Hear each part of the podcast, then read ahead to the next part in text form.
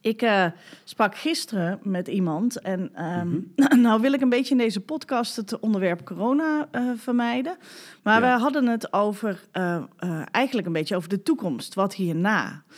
En hij zei van volgens mij is de trend nu dat wij strakjes als wij terugkomen op kantoor, want ja. heel veel mensen hebben nu thuis gewerkt. Ja dat eigenlijk dat dat thuiswerken wel blijft, maar dat uh, kantoren een soort ontmoetingsplekken gaan worden, oh, ja. waar, uh, waar je dan vergadert, want dat online vergaderen, dat zijn we nu allemaal wel een beetje beu. Mm -hmm. En dat daarmee um, er eigenlijk ook een grotere vraag komt naar een soort van in-house koffiebarretjes, want ja, iedereen is nu lekker gaan wandelen. Omdat mensen eigenlijk op kantoor net zo lekkere koffie als thuis willen. Ja, nou niet eens thuis. Want heel veel mensen zijn nu voor de koffie een ommetje aan het maken. Ik bedoel, je ziet... Ja, natuurlijk. Alle koffiebarretjes in de... Ja, de specialty koffiebars, de espresso bars. Ja, al, ja precies. Al die barretjes, die, die, en vooral de barretjes in de, in de woonwijken... Ja. of gesitueerd in parken of wat dan ook... die draaien volgens mij overuren nu. Dat klopt, ja. Die gaan heel goed. Ja, de, de grotere barren bij de grotere ketens, die hebben wat meer moeite... Zeker in de grote kantoorgebouwen en complexen. Ja, en in de, in, in de winkelcentra, want daar is en, niemand precies, meer te vinden. Precies. Maar, en ik vind dat eigenlijk wel een hele leuke... Dat is een hele mooie ontwikkeling. Dat ja. is echt een uh, kwaliteitsverbetering van het product. Precies. En ik ben eigenlijk wel benieuwd... Um, of jij als luisteraar, en dan met name de luisteraar die gewoon, die eigenlijk normaliter ook een, een kantoorbaan heeft, of dat jij nou ook kritischer bent geworden op je koffie. En of dat Ja. jij een beetje bang bent als je straks weer terug naar kantoor moet, dat je dan eh, koffie uit een automaat moet Ja. drinken. Het schijnt zo te zijn dat je drie weken moet wennen aan een nieuwe smaak. Ja, daar kan je dan behoorlijk tegenop zien. Tegen drie weken Precies. vieze koffie. Precies. Dus eh, ja, laat even weten Ja. hoe jij erover denkt.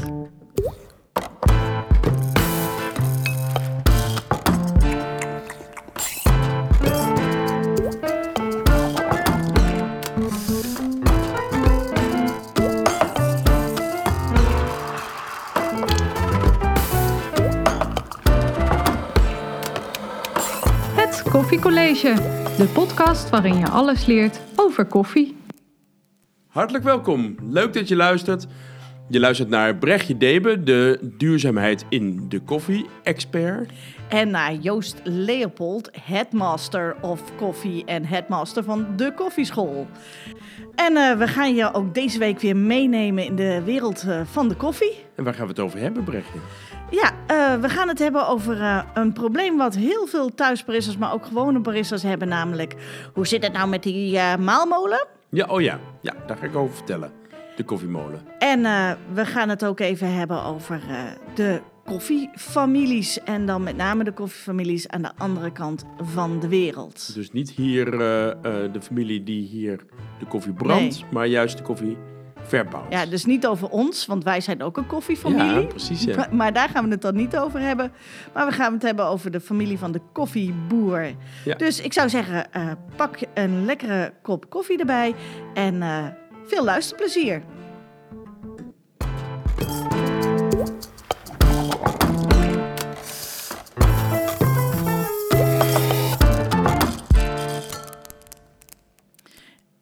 Joost, welke koffie heb jij vandaag in de aanbieding? Ja. In de aanbieding is vandaag een koffie van Single Estate. Het is de koffie uit Guatemala. Oh, van. Wewe Tanango. Oh, lekker. Volgens mij heb ik, zal me niks verbazen dat ik de koffieboer daarvan gesproken heb. Want Hey. ik heb een interview je gehad eh, in mijn boek eh, met een koffieboer. Dat was bij Single Estate Hoe heet het in, een boek wat je eh, hebt geschreven? in de prijs van mijn koffie. Aha. En daar heb ik een, een koffieboer, een vrouwelijke koffieboer geïnterviewd. En zij kwam uit Guatemala. Heette zij Maya? Zij heette, ik, oh, Want het- de, het koffiemerk... Nee, de, de koffiesoort is Maya Alternativa. nee, zij heette geen Maya. Oké, nou. Maar, eh, en zij, was, zij wa- kwam wel uit een koffiefamilie en zij kwam dus uit Guatemala. Zij vertelde mij het een en ander over het leven van eh, koffieboeren in Guatemala. Interessant. Nou, deze koffie is een lichtgebrande koffie. En komt eigenlijk het best tot zijn recht als lungo. Maar nu hebben we één uitdaging, want we... Ik spreek niet over problemen, maar over uitdagingen. Eh, nou heb ik een uitdaging, Mhm. want ik, ik wil geen lungo maken met een espresso-apparaat. Waarom niet? Omdat als je lungo maakt, dan gaat er te veel water door eh, dezelfde koffie heen. Mhm. Waardoor al die korreltjes koffie eh, te veel extractie afgeven. Mhm. Waardoor de koffie gaat verbranden. De hitte eh, wordt niet tegengehouden door de koffie, dus die komt in de kop terecht. Eh, resultaat is een hele hete, vlakke, bittere smaak. En ik wil eigenlijk een, wel een lekkere lange koffie maken, maar geen lungo maken. Maar een lungo is dus gewoon meer water door je koffie laten lopen. Ja, precies. Want eh, eigenlijk zit er wel veel zoet in de koffie. Maar het zuur van de koffie, dat overheerst een beetje. Omdat die licht gebrand is, is hij heel zuur. En als je die als espresso gaat zetten, wordt het echt een... Nou, alsof je een Napoleon snoepje in je mond hebt. Oh ja, Zo zo'n- zuur. Zo'n citroensnoepje. Wel lekker, maar eh, het kan ook wel heftig zijn. Dus, alternatief, Alternatief, Maya Alternativa, exact. is, de, is een long black... Oké. En als je eh, dat maakt, dan eh, leng je eigenlijk je espresso aan met water. Mhm. Maar in dit geval doe je eerst water in je kop en dan espresso erbovenop. Ja, oh, dat klinkt leuk. Dat, Dat- rijmt. Eerst water in je kop, dan de espresso erbovenop. Heel goed. en dat is anders dan een Americano. Want? Want een Americano, eh, misschien weet je wel waarom het een Americano heet trouwens. Nee? Americano heet zo omdat ehm, in, de tijd, in de tijd van de Tweede Wereldoorlog waren er eh legerofficiers uit eh, Amerika gelegerd in Italië. En vanuit eh, Amerika eh, waren ze gewend om hele slappe, hete, bittere koffie te drinken. Maar in Italië konden ze alleen maar hele sterke, straffe Espresso. espresso's drinken. Precies. En ehm, eh, er- op een gegeven moment kwam een barista op een lumineus idee.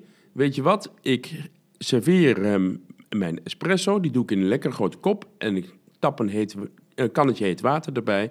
En dan kan hij zelf aanlengen tot eh, hoe slap en bitter die dat ook wil. Geniaal. Fantastisch, er maar op. Dus een café speciaal gemaakt voor de Amerikanen. Oh. Maar het probleem is dat als je je heet water op je espresso schenkt, dat de crema verdwijnt. En de crema is het meest bittere deel van de espresso. Smaakt naar paracetamol. Zo bitter. Dat is heel vies. Dus dat verdwijnt, maar dat, dat lost op. Dat lost op, precies. Waardoor je hele drank heel bitter wordt. Nou, die Amerikanen smulden daarvan natuurlijk. Maar als je niet van bitter houdt, en zeker niet van paracetamol bitter houdt, moet je eerst water in je kopje doen en dan espresso bovenop. Dan krijg je dat het onderste deel van de espresso vermengd wordt met eh, het water. En het Ja. onderste deel is het lekkere, zachte, zoete, frisse deel. Ja, En de crème blijft dan intact, ja. waardoor die niet oplost. Uh-huh. En als je je kopje lichtjes kantelt, dan, dan schuift de crème als het ware naar achter. Je drinkt onder de crème door. En dan heb je een heerlijke, zoete, zachte koffie. En dan zie je uiteindelijk ook in je kopje dat je die crème nog over Ja, hebt. precies, ja. En daar kan je dan mee koffiedik kijken. Nou, zoiets. zoiets. ja. Hey, over, eh, nee, niet over koffiedik kijken, maar ehm, ehm, even een hele andere vraag. Eh, Mhm. Ik gaf al aan in de introductie dat wij heel veel ehm, vragen hebben ook over, eh, en ook van thuisbaristas, over koffiemolens. Ja. En over het instellen van de Ja, koffiemolen. eigenlijk door, door de keuze van de Long Black Mhm. voorkom je dat je een tweede molen nodig hebt voor de Lungo. Oh, oké. En eh, een tweede molen betekent dus ook dat, dat je dus een tweede boonsoort, maar ook een tweede instelling nodig Precies, hebt. dat vooral, ja. En daar wou ik eventjes wat meer over weten. Zou jij iets kunnen vertellen over hoe het nou precies zit met het instellen van, jou, van de molen? Hoe stel je hem in voor welk drankje? ja.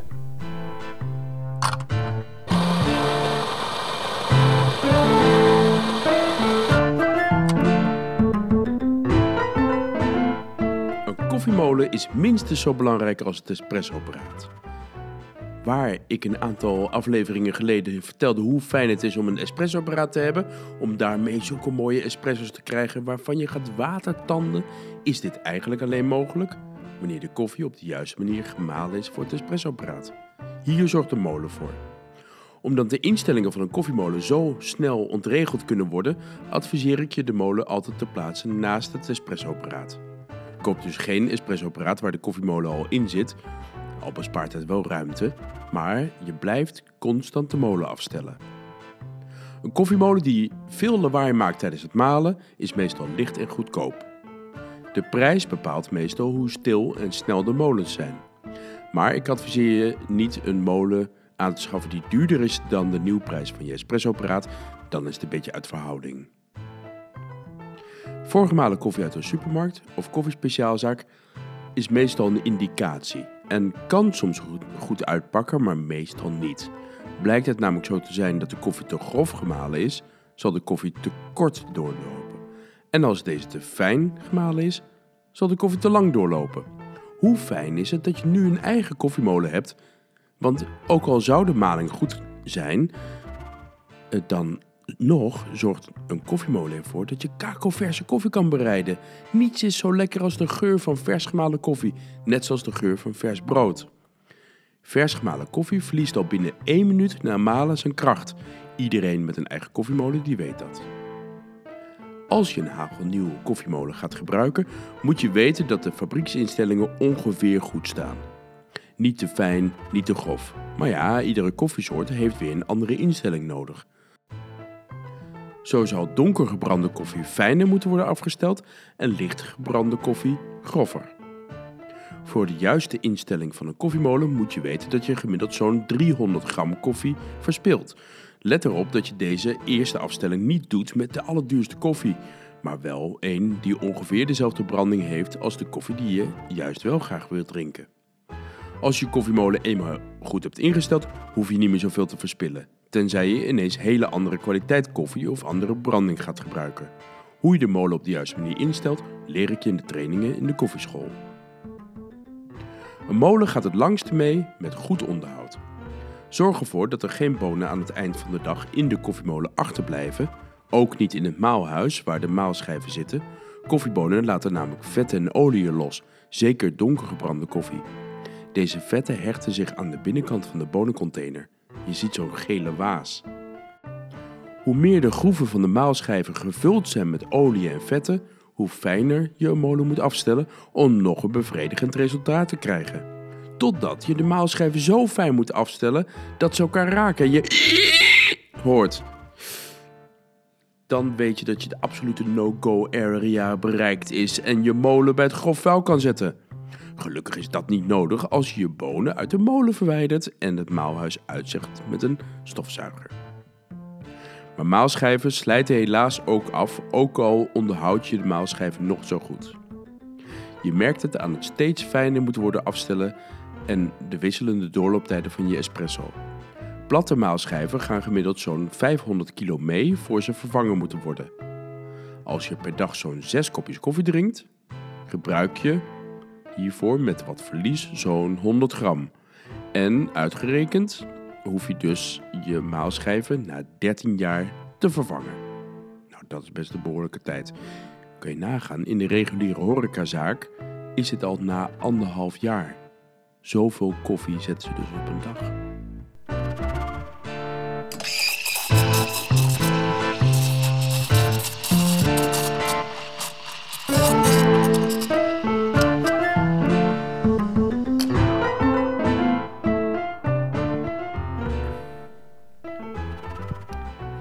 Ik heb van mijn oma een Mhm. heel mooi eh, koffiemolentje georven.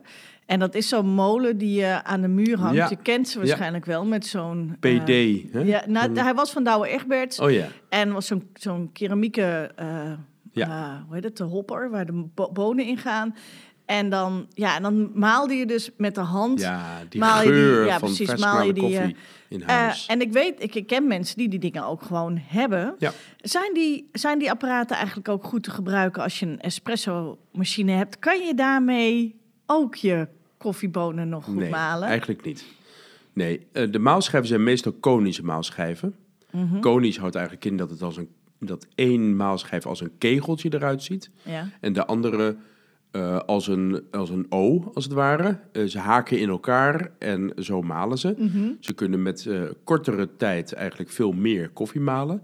Maar die maalfijnheid is niet zo fijn af te stellen, zo precies af te stellen als voor een espressoapparaat. Het is wat meer voor, voor ehm, ja, eigenlijk een cafetière, waarbij het water in contact is met de koffie constant. Dan dan maakt het niet zo heel veel uit of je maling ehm, iets te fijn of iets te grof is. Dan kan het een beetje door elkaar zitten. Bij espresso moet het echt heel secuur zijn. Moet je exact de juiste maling hebben. Dus ja, ik bedoel, mijn oma had ook geen espresso-apparaat. Nee, Die goot gewoon de koffie, eh, of zat een filterapparaat of ja, op, zoiets heel. Ja. Maar, maar zo'n zo'n handmolen of zo'n oude, zo'n echt zo'n ouderwetse koffiemolen is Ja. in principe wel te gebruiken als je filterkoffie Oh ja, zeker. hebt. Zeker. Eh, maar eerst goed schoonmaken. En heel vaak is het zo dat je die molen niet goed uit elkaar kan halen om het schoon te maken. Mhm, Ehm, ik maak meestal schoon met koffiebonen. mhm. Dus ik gooi er, er de koffiebonen doorheen die ik eh, wil afstellen. Ja, Ehm, vervolgens maal ik die weg en die eerste dosering die gooi ik ook weg. Dan is, zijn de maalschijven geseasoned, zoals het heet. Zijn ze op smaak gebracht, zodat ze eh, die smaak mooi mee kunnen geven in de volgende koffie. Oké, dus, dus, ja, dus op die manier maak je hem dus inderdaad Ja. schoon. Er zijn ook eh, soort tabletten te verkrijgen.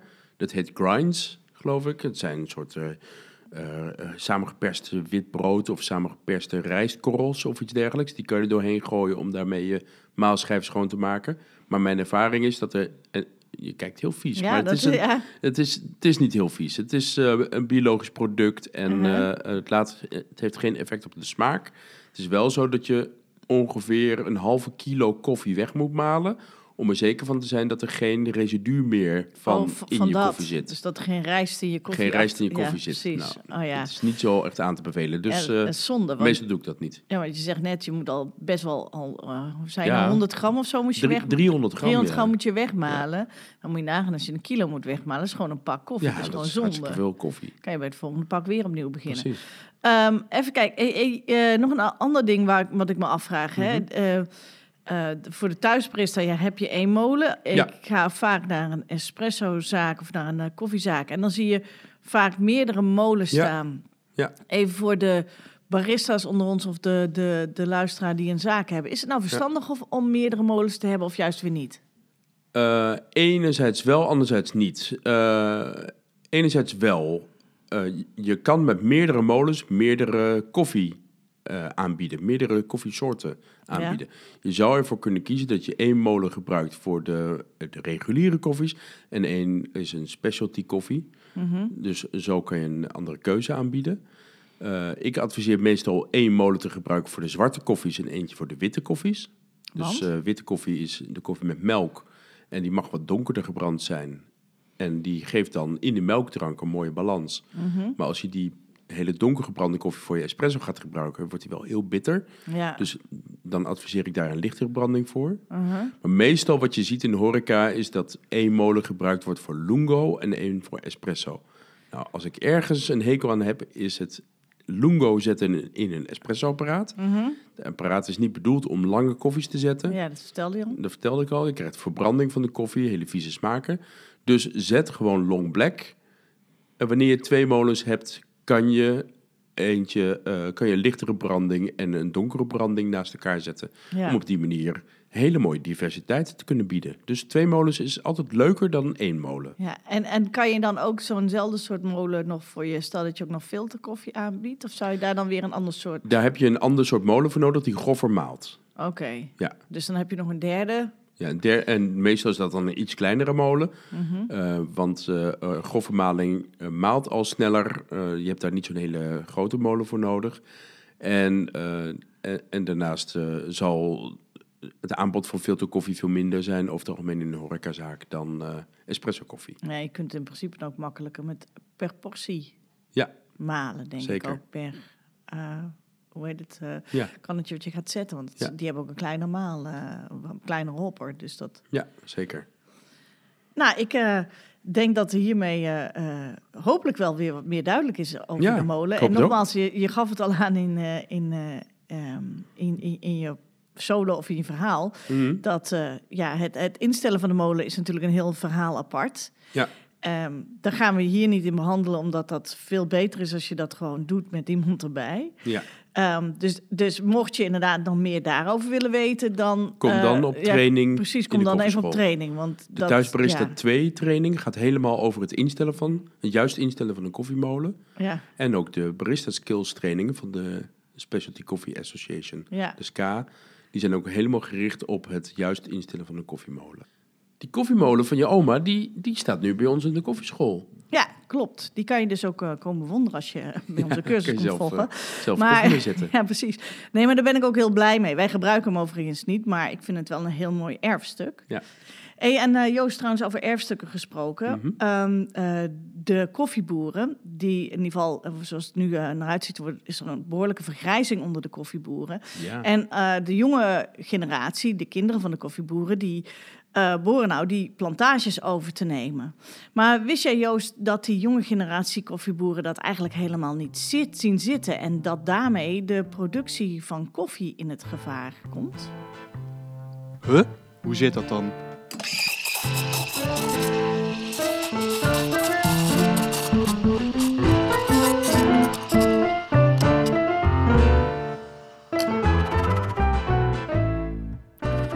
Zoals ik al in een eerdere eh, podcastaflevering aangaf, valt twee derde van alle koffieplantages onder het predicaat smallholder.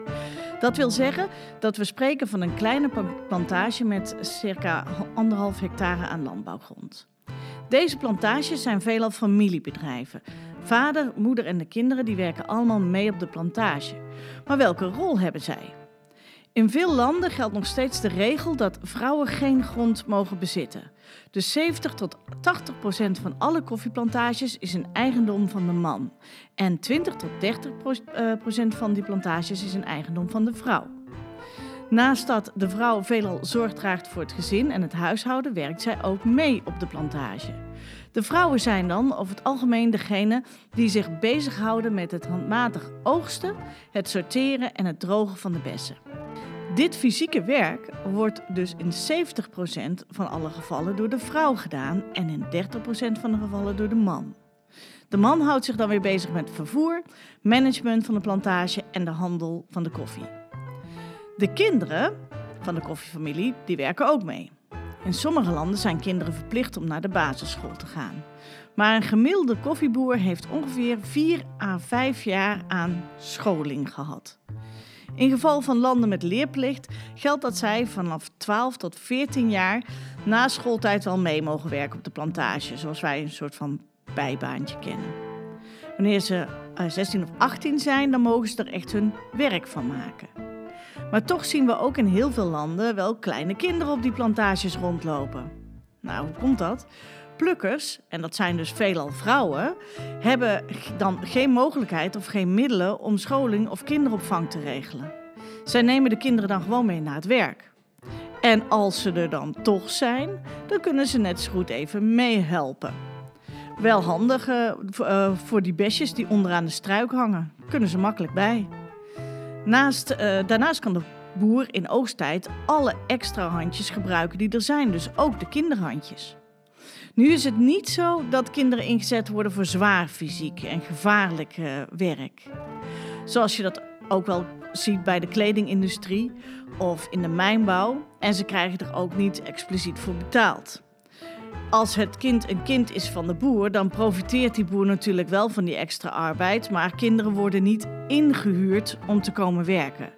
Althans, over dit soort situaties zijn tot op heden nog geen gegevens bekend.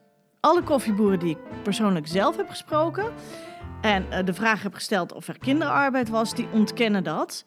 Eh, en vooral dan in de zin van uitbuiting. Uitsluiten kunnen we het natuurlijk niet, maar bewijzen kan ik het ook nog niet. Hoe je het ook wendt of keert, een kind hoort niet te werken en heeft recht, er recht op om naar school te gaan. Wanneer kinderen van een koffiefamilie volwassen worden, dan wordt van hen verwacht dat zij de plantage overnemen. Dit is dus niet altijd de wens van het kind zelf. Zij hebben hun ouders jaren keihard zien werken voor een schamel loon. Ze hebben de vele tegenslagen die hun ouders meemaakten door mislukte oogsten ook gevoeld. Dit is dus niet echt een bestaan waar een kind van droomt. En daarnaast verleidingen lonken. Om zich heen zien, de, zien ze jongeren vertrekken naar andere landen, zoals Noord-Amerika of Europa, om daar geld te verdienen. Of dichter bij huis verdien je met een ritje als brommertaxichauffeur evenveel als een maand op de plantage. En in het slechtste geval laat je je overhalen om gewassen te verbouwen zoals coca voor cocaïne of het Afrikaanse drugsgewas chat. Daar verdien je veel meer mee. En alles is beter dan het onzekere bestaan van de koffieboer. Maar niet alleen de jongeren verlaten de plantages, ook de oudere mannen kiezen ervoor om elders hun geld te verdienen voor hun familie. Zij laten de plantages achter in handen van de vrouwen. Maar aangezien die vrouwen niet altijd het recht hebben om beslissingen te nemen, zijn er dan weer andere mannen in de omgeving die van die situatie misbruik maken om de grond van de vrouwen af te pakken door hen te bedreigen, te mishandelen of zelfs te vermoorden. Wat dat laatste betreft, wist je dat Guatemala het land is met het hoogste aantal vrouwenmoorden ter wereld? Kortom, het is begrijpelijk dat de nieuwe koffiegeneratie mannen en vrouwen liever een andere keuze maken dan die van hun ouders. Als deze voorhanden is tenminste. En dit is een urgent probleem. De meeste koffieboeren kwamen namelijk in bezit van een plantage nadat hun land werd bevrijd van de kolonisten, midden vorige eeuw. Hierdoor zien we nu een golf van vergrijzing grijzing plaatsvinden. Het is dus zaak dat de aandacht komt voor twee belangrijke zaken het versterken van de positie van de vrouw in de koffie en het enthousiasmeren van de nieuwe generatie koffieboeren. Want als we deze beide punten negeren, dan kunnen we straks zelf gaan immigreren om onze eigen koffie te gaan verbouwen.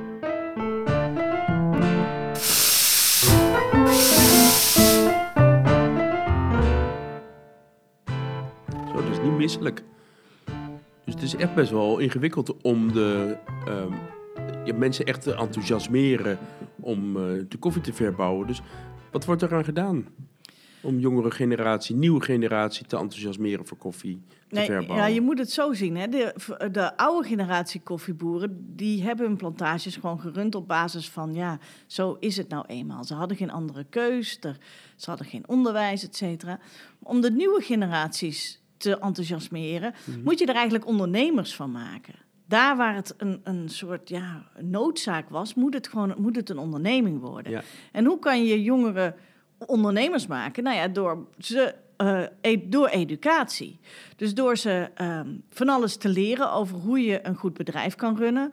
Van alles te leren over het, uh, het agronomische, dus het, de, de plant zelf. En hoe ja. En, en hoe het zit met de handel. Uh, ze ook in contact te brengen met de afnemers, dus degene die de koffie kopen. Mhm. En zo zijn er dus wel een aantal organisaties, zoals bijvoorbeeld Coffee Kids. Dat is een organisatie die zich heel erg bezighoudt met het, ja, het stimuleren van de jongeren en het ja, het zorgen dat de jongens, jongeren echt ondernemers worden. Mhm. en, uh, Hoe doen ze dat? Ja, dat doen ze dus door middel van educatie, door middel van uh, uh, bijvoorbeeld dan hebben ze uh, een app, uh, uh, dan, de, dan, dan, krijgen de jongeren krijgen iPads en op die iPads zitten diverse apps en dan kunnen ze vanaf bijvoorbeeld met drones zien hoe een land eruit ziet en waar de problemen zitten. Dus ook vooral door moderne technologie te gebruiken, wat voor jongeren natuurlijk heel erg interessant en aantrekkelijk is. Um, ja, daardoor krijgen ze meer controle over, over de plantages. En een, ja, een, ander, een andere organisatie die er is, dat is de uh, Coffee for Peace. Dat is een organisatie die die jonge koffiegeneratie die vooral in de, in de drugs ging, hè? dus in, in Colombia bijvoorbeeld, Colombia. Uh, ja precies, ja. de drugs gingen verbouwen, om die weer terug te trekken naar, uh, naar hoe heet het, naar de koffie. En die doen dat dan weer doordat zij dus samenwerken met inkopers. Dus ook zorgen dat er een stabiel, uh, stabiele afname van de koffie is. Mhm. En ook die uh, doen veel met educatie. Dus die trainen ook uh, die jonge generatie. Maar ik denk ook vooral het in contact brengen met de wereld. Ja. Geeft je ook een gevoel dat je ertoe doet. En dat je een bepaalde plaats hebt. Ik, ik snap dat dat belangrijk is en dat dat een motivatie kan zijn. Geld is natuurlijk ook een motivatie. Ja, chat, maar... chat levert veel meer op dan koffie. Of zo'n brommerritje levert ook veel meer op dan het dan maandwerk op de plantage. Dat wordt, is ook wordt zo. Dat ook, wordt er ook, um, zijn er ook veranderingen in? Het is natuurlijk zo dat je waarschijnlijk elders veel meer geld kan verdienen. Maar um, het grootste probleem is niet zozeer dat je veel geld kan verdienen, dan wel dat het heel onzeker is. Ja, dat is waar. En door, door dus inderdaad te zorgen dat de jongeren meteen worden gekoppeld aan afnemers. en dus eigenlijk een soort garantie is van afname van koffie en misschien zelfs ook al een garantie voor de prijs die ze ervoor krijgen, dan wordt het leven al een stuk minder onzeker. En dan, ja, dan is het dus de vraag: wil jij je familie en je community gaan verlaten en iedereen in de steek laten uh, voor een ander baantje? Of uh, blijf je uh, en krijg je hier ook gewoon een goed inkomen en blijf je gewoon in je eigen omgeving? Ja. Ik bedoel, het zal ongetwijfeld nog steeds veel jongeren ook dat niet aantrekkelijk vinden, maar dus wel vertrekken. Maar in principe, ja, dat, het, is ook, het is ook een heel lastig vraagstuk. Kunnen wij hier aan deze kant van de koffieketen er iets aan doen? Ja, ik denk door organisaties als... Uit, uitwisselprogramma's? Ja, ja of, of door organisaties als Coffee Kids of uh, Coffee for Peace te ondersteunen. Ja. Of als jij zelf inkoper bent, uh, um, kijk bij wie je gaat direct inkopen bij de boer. Kijk wie het is. Kijk of dat dat. En dat, dat ja, als dat een jong iemand is, weet je wel, ga, ga met elkaar een soort eerlijke uh, eerlijke handelsrelatie aan. Ja. En, uh, en inderdaad een uitwisseling. Uh, dat, zie je nu ook al meer, dat boeren steeds meer op beurzen... Ja, nu niet, want nu zijn er geen beurzen. Maar dat je boeren wel steeds meer op beurzen ziet rondlopen. En dat is natuurlijk heel aantrekkelijk voor jongeren... als ze uitgenodigd worden aan de andere kant van de wereld... om eens te kijken wat er met hun product gebeurt. Ja, ja we zijn met de koffieschool natuurlijk ook een paar keer... naar een land van herkomst geweest. Ethiopië en Kenia... Ja. En uh, ook die uitwisseling werkte heel positief. Uh. Ja, ik, ik, zou dat, ik zou dat wel eens een keer ook terug willen doen. Dat inderdaad ja. ook dat je gewoon echt een uitwisselingsprogramma hebt.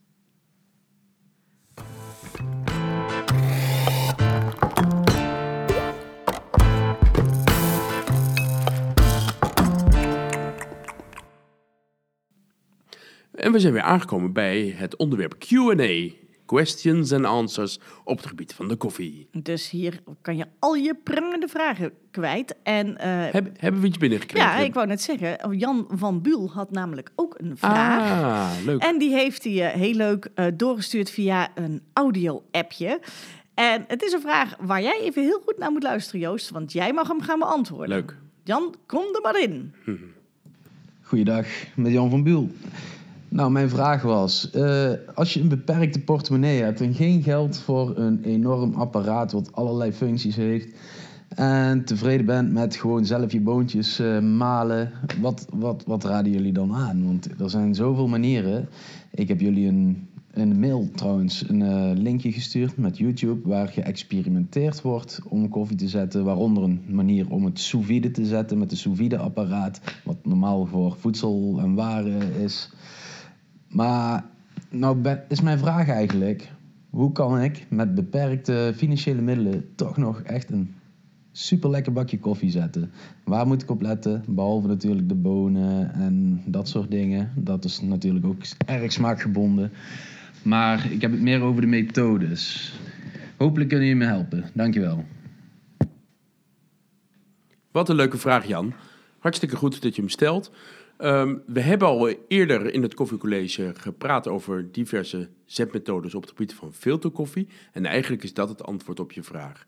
Um, je hebt natuurlijk niet per se een chic, fancy-pansy espressoapparaat nodig om een goede koffie te kunnen zetten. Maar je kan ook heel erg lekkere koffie zetten met filterkoffie. Filterkoffie hoeft daarin, daarvoor dus niet zo duur te zijn. Eigenlijk kan je Ehm, ben je eigenlijk al klaar met een, uh, wanneer je 100 euro uitgeeft, uh, heb je een uh, opschenkmethode, filters erbij, een pakje koffie erbij, een handmolentje, een keteltje wellicht, waterkoker. Nou, al met al voor 100 euro ben je klaar. wil je nog minder, dan zou je eventueel cold drip kunnen overwegen. Maar cold drip maken is wel weer een heel ander verhaal. Het is misschien wel leuk om daar een keertje een uitzending aan uh, Dat is inderdaad een goede. Dat gaan we, gaan we, doen, ja.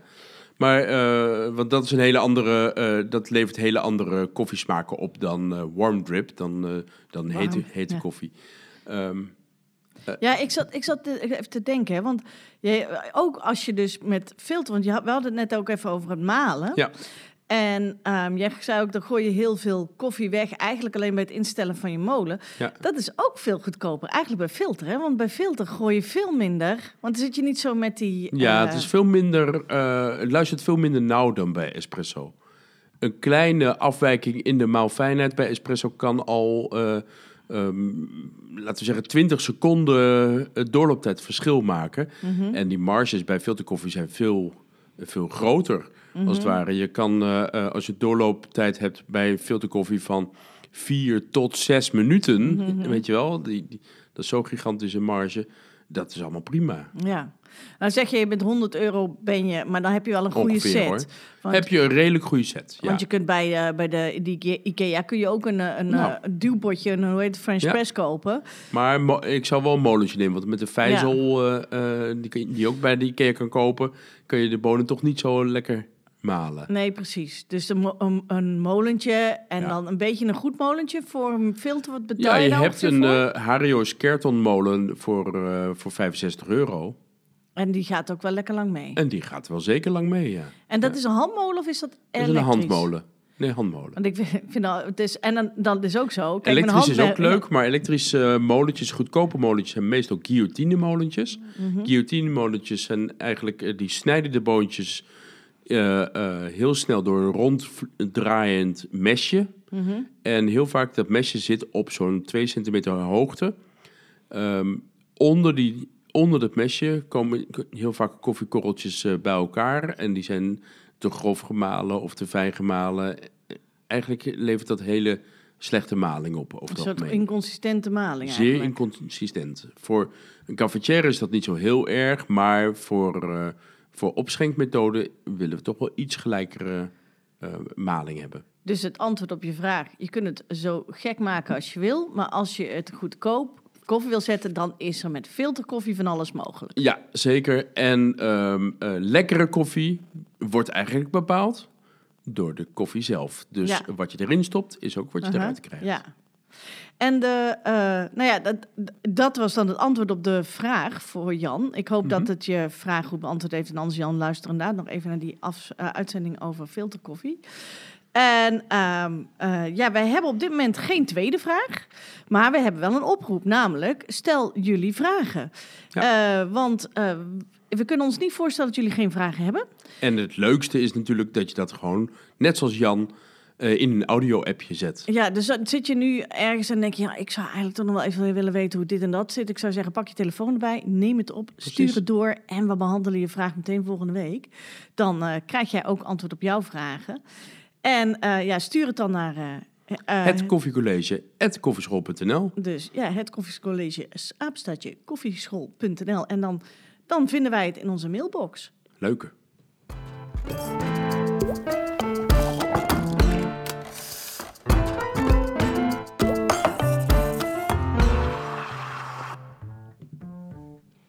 Dat was het dan weer voor deze week. Jammer, Ja. hè? Ja, echt jammer. Het gaat zo snel voorbij. Ja, Echt ontzettend leuk dat, dat iedereen geluisterd heeft weer. Ja. eh. Ja, ik vind het ook leuk. We hebben inmiddels al eh, behoorlijk wat, eh, wat downloads of luisteraars. En ik vind het heel leuk, want ik merk dat mensen steeds terugkomen. Dus eh, ik hoop dat jij er ook eentje bent. En zo niet, dan zou ik zeggen abonneer je en kom eh, de volgende keer weer terug Ja. eh, luisteren. Maar ik vind dat echt heel erg leuk om te zien. En ik ben er ook heel blij om, want ik vind het zelf ja, heel leuk om Ja, dit we te doen. moeten echt, echt eh, eigenlijk met z'n allen het woord verspreiden. Ja, ja Ehm, dan klinkt eh, het heel stichtelijk. Ja, het is heel stichtelijk. Maar, maar goed, het is toch echt, echt eh, als je echt de kwaliteit van koffie wil verbeteren, moet je eigenlijk het woord doorgeven aan Ja. de anderen. En dat is wat wij eh, ja, heel leuk vinden en ook, ja, ook belangrijk vinden om te doen. En eh, wij hopen ook eh, dat jullie dat eh, belangrijk vinden. Dus ik zou zeggen, zegt het voort. Ja. Eh, ja, en het helpt ook eh, heel erg als je ons eh, even een recensie geeft. Want dan gaan meer mensen het ook zien en vinden dat wij Ja. er zijn. Bij, Dus- bij Apple kan je sterretjes achterlaten. Exact. Bij Spotify kan dat niet, maar daar moet je het gewoon doorvertellen en delen met elkaar. Ja, precies. Dus deel deze podcast. En ja, luister volgende week ook gewoon weer. En dan nog even dit voor al die mensen die boven de 27 zijn en niet mogen sporten. De koffie loopt. Veel sportiever dan dat wordt het niet vandaag.